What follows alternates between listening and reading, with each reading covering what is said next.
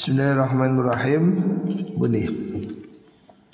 Inna minal dhunubi Dhunuban La yukaffiruha salah Wala siyam Wala hajj Wala umrah Walakin yukaffiruha al-humum Fi talabil ma'isha. Bismillahirrahmanirrahim. Inna minal dhunubi. Sedune iku setengah sangking dosa di antara dosa-dosa. Zunuban ono dosa. Zunuban ono dosa layu kafiruha kang ora bisa nglebur ha ing zunub apa as-shalatu salat. Nah, salat fardu ataupun salat sunnah. Wala siamulan ora poso juga tidak bisa dilebur oleh puasa. Walal hajulan ora haji juga al haji. Ada dosa yang ini rodok bandel. Sudah ditebus dengan sholat belum lunas, haji juga belum. Nah. Walau siam dan orang piro-piro poso. Jadi dosa ini kan Innal hasanat yudhibma sayyiat Dosa ini kan ada ini ditebus dengan ini Orang berbuat dosa ini dengan sholat hilang Dosa ini dilebur dengan puasa Ada dosa yang tidak bisa dilebur oleh itu gitu. Lalu leburnya gimana? Walal umroh Dibuat umroh pun juga belum hilang Ini dosa yang membandel ini Bagaimana caranya? Walakin yukafiruha tetapi ning lebur ha ing dzunub opo al humumu piro-piro kesusahan fi talabil ma'isyati ing dalem golek pengupo jiwa. Ma'isya itu apa? Kecukupan hidup ini loh Apa bahasa Indonesia apa? untuk mendapatkan biaya hidup eh, nafkah itu ya. Jadi bekerja ya, bekerja nyambut gawe untuk mencukupi anak istri ya. Kamu bekerja supaya anakmu sekolah. Bekerja supaya istrinya tidak ngemis ya. Orang bekerja untuk memberi nafkah keluarga Itu mendapat pahala ya. Itu ibadah Dan bisa menghapuskan dosa-dosa ya. Jadi ibadah itu bukan hanya sholat Ibadah itu bukan hanya wiritan Bahkan ada dosa yang tidak bisa ditebus dengan puasa juga tidak bisa ditebus dengan haji umroh ya. tapi malah bisa ditebus dengan sebab kesedihan mikir ekonomi. Ya kalau sekarang ekonomi bahasa. Mikir belonjone anak bojo itu. Bojone durung mangan ya. Orang susah mikirkan ekonomi keluarga. Cari kerjaan, cari pendapatan untuk ekonomi rumah tangga itu dapat pahala ya.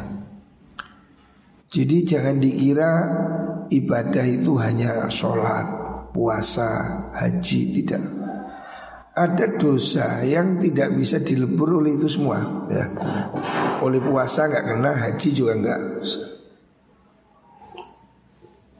Tetapi bisa dilebur dengan kesusahan bekerja mencari nafkah. Makanya orang Islam ini harus punya keinginan hidup mandiri ya. Kamu harus punya keinginan untuk bisa bekerja mencukupi kebutuhan. Jangan hidup menjadi beban orang lain. Karena kamu susah mikirnya buat kayak opo, golek opo, kok totolan kak payu itu dapat pahala. Jadi ini hebatnya ya, hebatnya ajaran Islam. Cari kerja, cari makan itu loh dapat pahala. Makanya orang Islam ini harus punya keinginan dan kemandirian ya. Ada satu kisah saya lihat istri solihah. Istri solihah ini penting ya. Ada seorang lelaki miskin punya istri yang solihah. Suatu saat istrinya ini tidak punya apa-apa Cerita pada suaminya Mas hari ini nggak ada yang dimakan Nggak ada tepung Nggak ada roti Nggak ada nasi Bahkan baju nggak ada Miskin sekali Akhirnya suaminya ini Pergi. Ini orang di Mekah. Pergi ke pasar cari kerja. Keliling ke sana ke situ nggak ada yang ngasih kerja. Memang setelah lelah nggak ada kerjaan dia datang ke Masjidil Haram ke Baitullah. Dia berdoa di depan Ka'bah ya Allah beri saya rezeki ya Allah. Sedih dia doa. Habis dari doa di depan Ka'bah mau pulang di tempat tawaf itu dia nemu tas ada tas. Loh kok ada tas?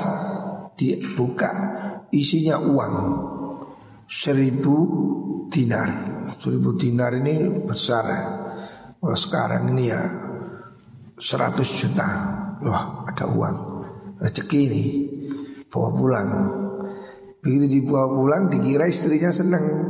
Bilang eh saya tadi kerja nggak dapat sholat di masjid. Nemu tas. Ini rezeki. Istrinya bilang nggak boleh di Masjidil Haram di Baitullah tidak boleh ngambil barang temuan itu milik orang tidak ada tas ajaib dari langit Kembalikan Istri solihah ya. Kalau istri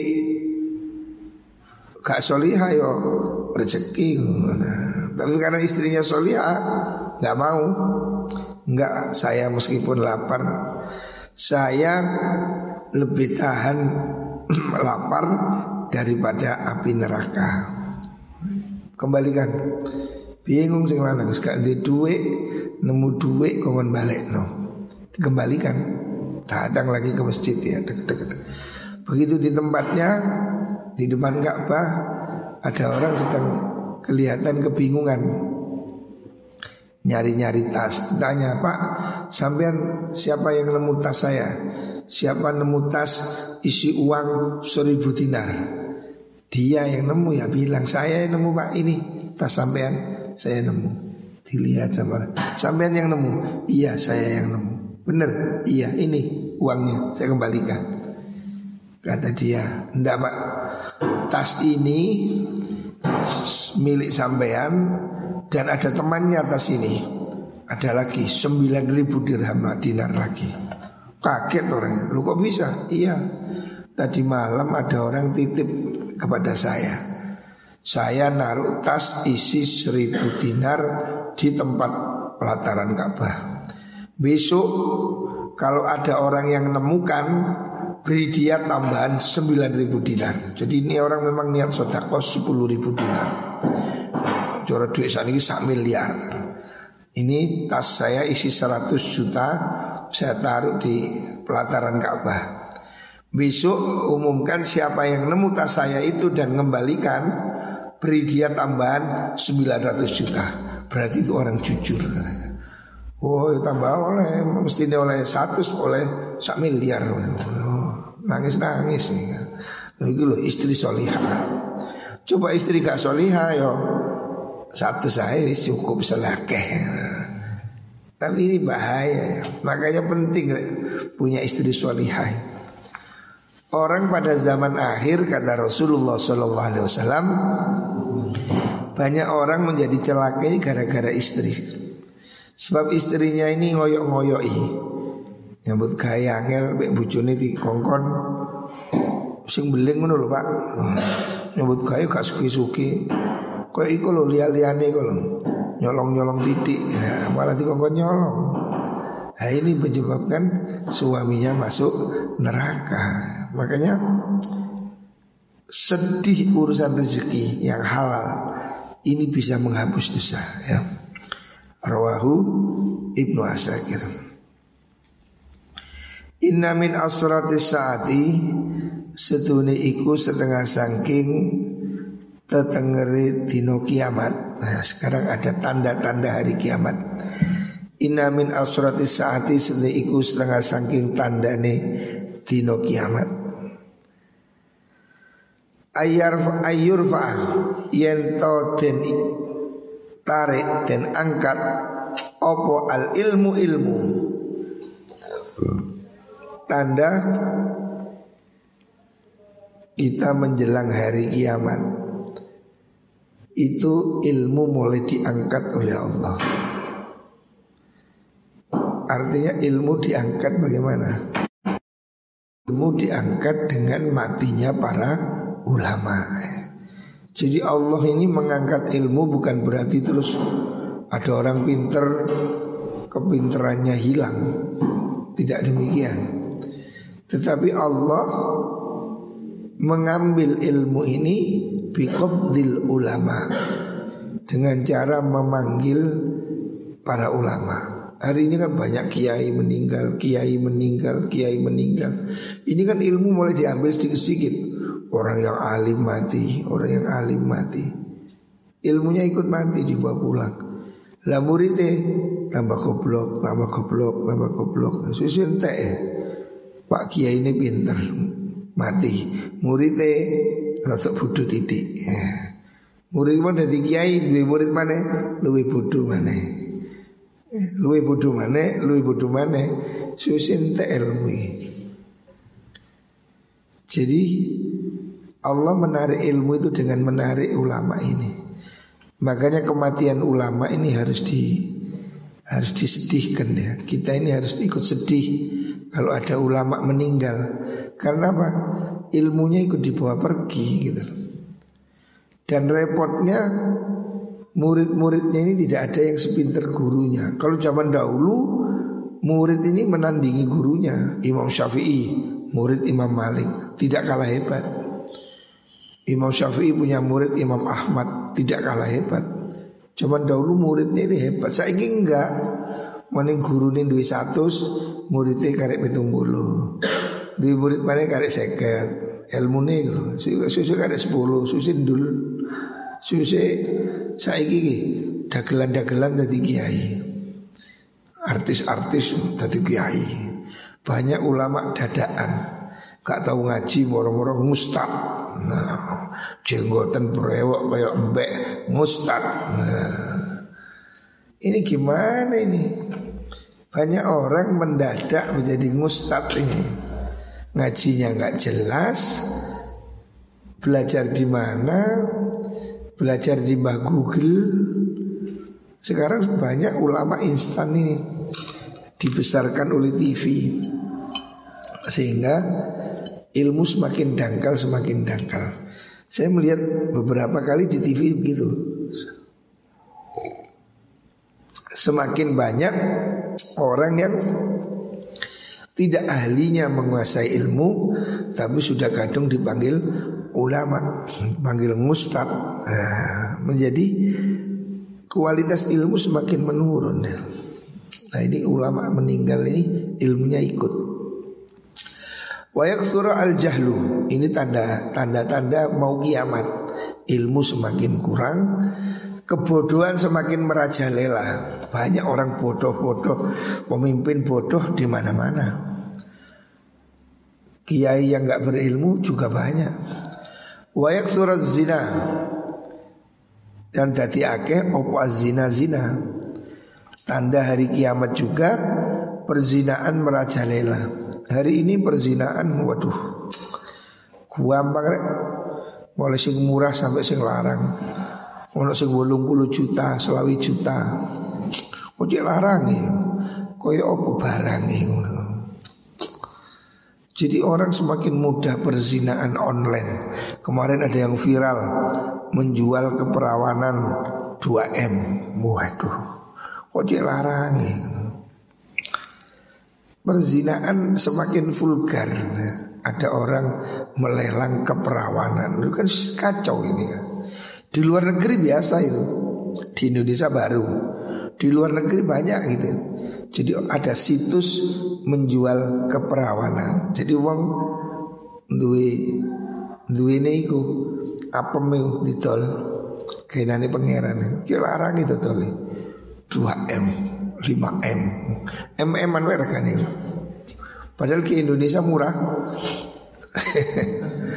Wayak surah syurbul hamr Wayak surah lan yang tau dadi ake Apa syurbul khamri Ngombe khamr Ini sudah hari ini dia Kafe-kafe menyediakan Khamr Bir Whisky ya Ini tanda hari kiamat di mana semakin banyak tempat minum-minuman ya karaoke karaoke itu kan tempat orang minum gitu.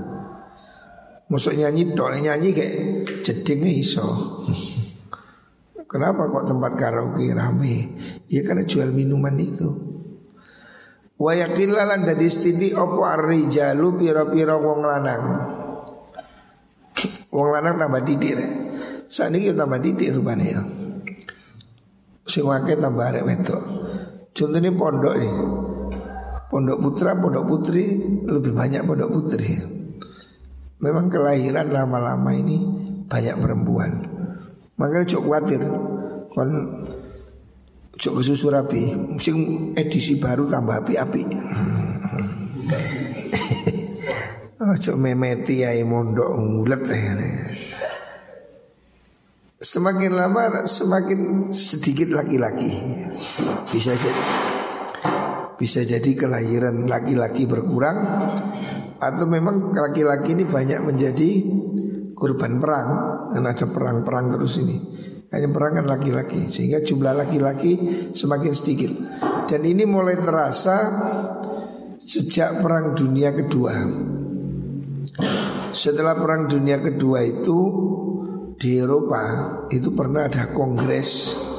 Kongres pemuda non muslim menginginkan supaya dibolehkan poligami. Karena agama lain itu tidak boleh poligami. Yang membolehkan poligami itu agama Islam. Karena ya ini antisipasi jumlah perempuan semakin banyak dibanding laki-laki.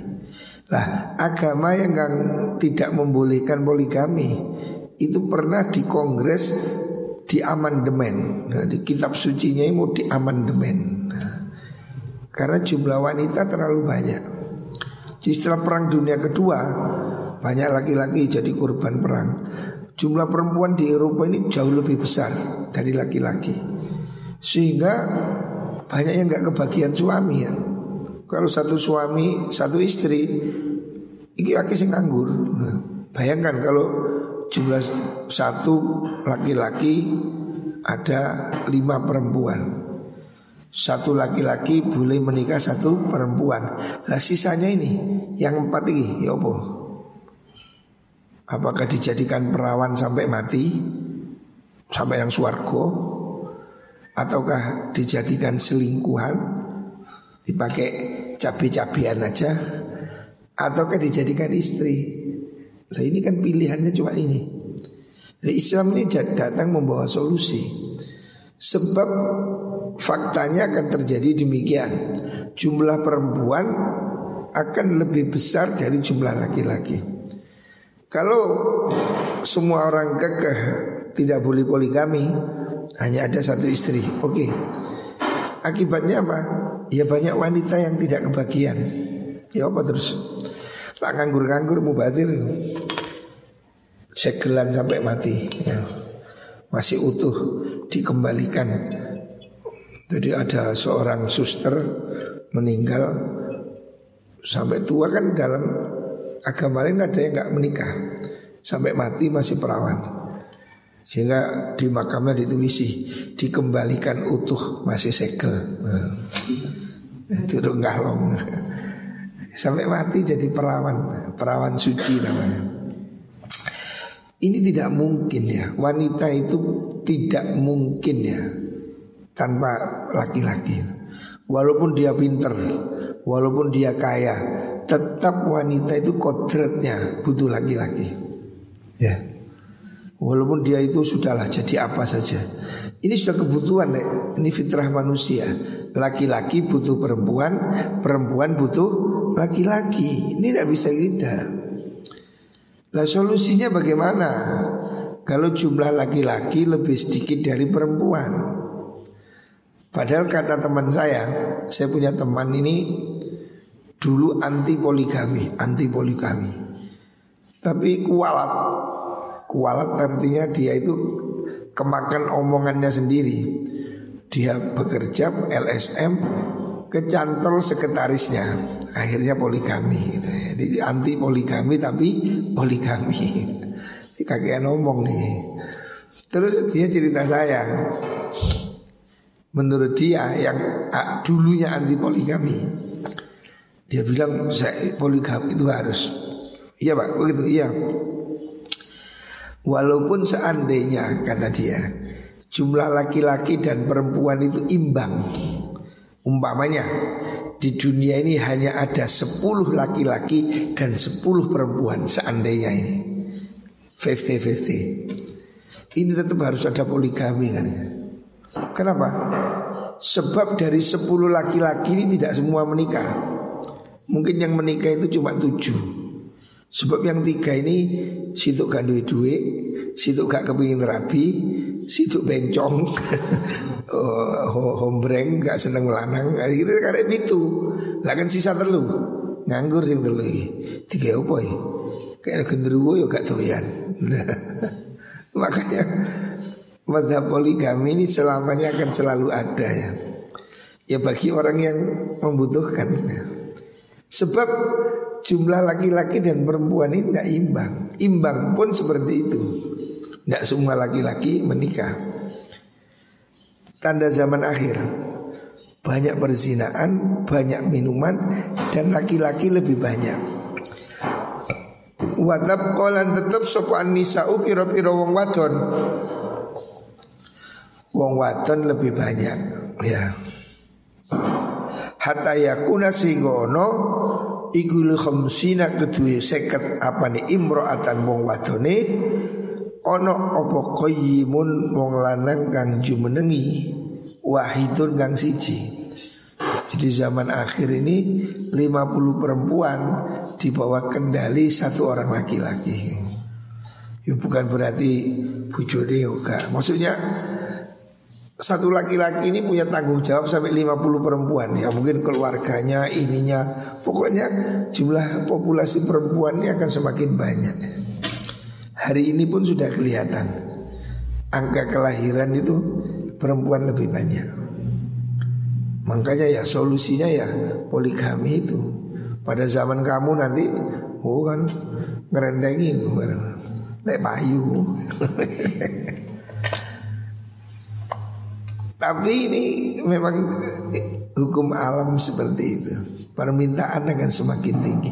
Jangankan yang masih muda, yang tua-tua itu si payu deh.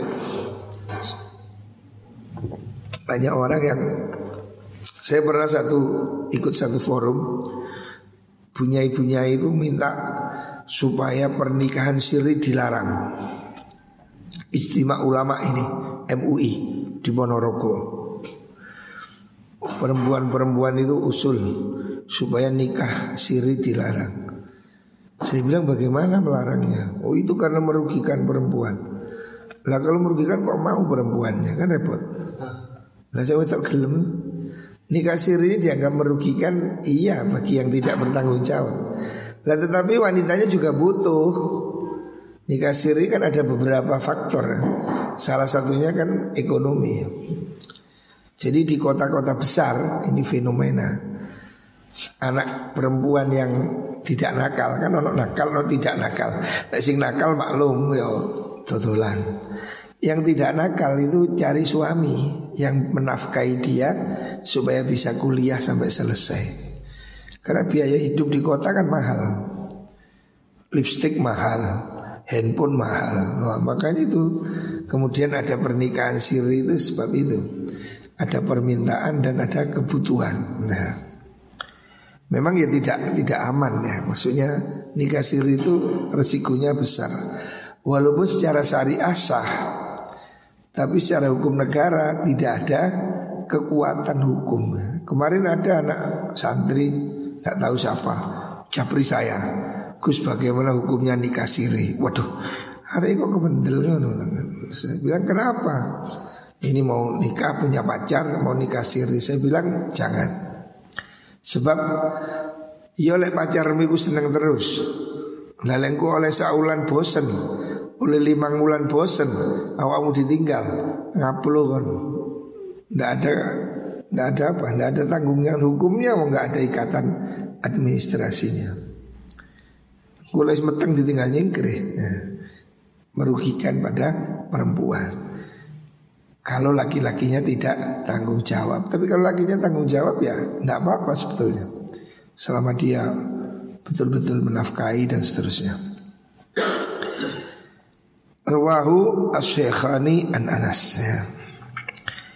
Innama yadkhulul jannah may yarjuha wa innama yujannibun nar may yakhlufu may yakhafuha. Innama yadkhulu angin mesti mlebu al jannata ing swarga sapa man wong yarju kang ngarep-ngarep ha ing jannah. Orang yang mau masuk surga ya akan masuk surga ya. Jadi surga dan neraka ini pilihan ya. Manusia ini oleh Allah diberi kelonggaran Kamu mau masuk neraka ya silahkan Tambeng-tambeng wis nah. Kalau kamu kepingin masuk surga ya silahkan Jadi Allah ini memberi kesempatan ya Innama yadkhul jannah mayarjuha akan masuk surga orang yang memang ingin masuk surga. Kalau orang itu tidak ingin masuk surga, ya kafir tadi nih ya. Pilihan dia. Kata Rasulullah Sallallahu Alaihi Wasallam, "Kullu ummati yadkhuluna al-jannah illa man aba." Semua umatku ini masuk surga kecuali yang tidak mau. Kila wa mayak ya Rasulullah Sinten Nabi tiang mudan gelem lebu suarga Apa ada orang nggak mau masuk surga? Ada Man ata'ani dakhalal jannah Wa man asani fakut abah Siapa taat padaku masuk surga kata Nabi Yang nggak mau taat ya berarti dia milih ke neraka Jadi surga neraka ini pilihan Makanya dalam hadis yang lain kata Rasulullah Shallallahu Alaihi "Imal ya lillah biqadri hajatika ilaih." Kamu berbuatlah untuk Allah sak butuh munang pangeran. Apa pernah kamu nggak butuh sama Allah? Kalau kamu selalu butuh ya wis ibadah sing kena. Lais gak butuh pangeran, ya gak usah ibadah, uripo dewi iso takon. Nah. Ikmal lidunyaka biqadri maqamika fiha.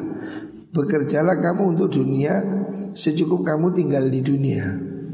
Kamu tidak mungkin tinggal di dunia ini 500 tahun ya. Berapa sih umur manusia ini? 60 70 tahun lah. Untuk apa kamu ngoyo cari harta berlebihan? Toh kamu juga mati, jangan berlebihan ya. Tapi wa imal linar biqadri sabrika alaih. Berbuatlah untuk masuk neraka semampu kamu nanti duduk di sana. Ya, kalau kamu ingin masuk neraka silakan. Ukuran kemampuanmu biro. Nek kon kira-kira kuat mlebu neraka sejuta tahun yo dendeng-dendeng bisa karepmu. Artinya neraka itu pilihanmu sendiri. Kalau kamu merasa dirimu itu kuat, ya jajalan sih. Nango pawon itu lo kompor lungguono. Yes, kuat nggak? Sak jam. Lek silitmu itu diobong itu gak apa-apa ya. Berarti kan melbu neraka kuat gak apa-apa berarti. Tambeng-tambeng kok bisa. Lek kon dinyocok geni sih melung-melung ya. Coba pola kakek pola kan Neraka lebih panas dari api di dunia kata. Jadi kalau kamu mau nekat masuk neraka Silahkan Sak kuatmu ya. Tapi jajalan dhisik. Itu loh, lungguan dukur kompor. Adem tak anget. Kita ini jangankan dikurung di neraka panas. Kamu dikurung di WC aja loh, wis adem itu. Ayo, mana? Tak lebokno WC tak kunci seminggu. Nangis nangis. Padahal dingin. Nah, coba kayak neroko, panas. Bagaimana? Kamu dikurung di WC satu hari aja geblak kan. Nah, dikurung kayak neraka seperti apa? Makanya neraka itu pilihanmu ya. Wa inna ma yujannibu angin pestine ngedoi annaro ing neraka sapa man wong ya khofu kang wedi sapa man ha ing nar. Orang yang takut neraka ya harus menjauhi ya. Kalau kamu ingin jauh dari neraka ya jauhi neraka ya. Jangan berbuat yang mendorong kamu masuk neraka. Wa inna ma yarhamu angin pestine melasi sapa Allah Gusti Allah man ing wong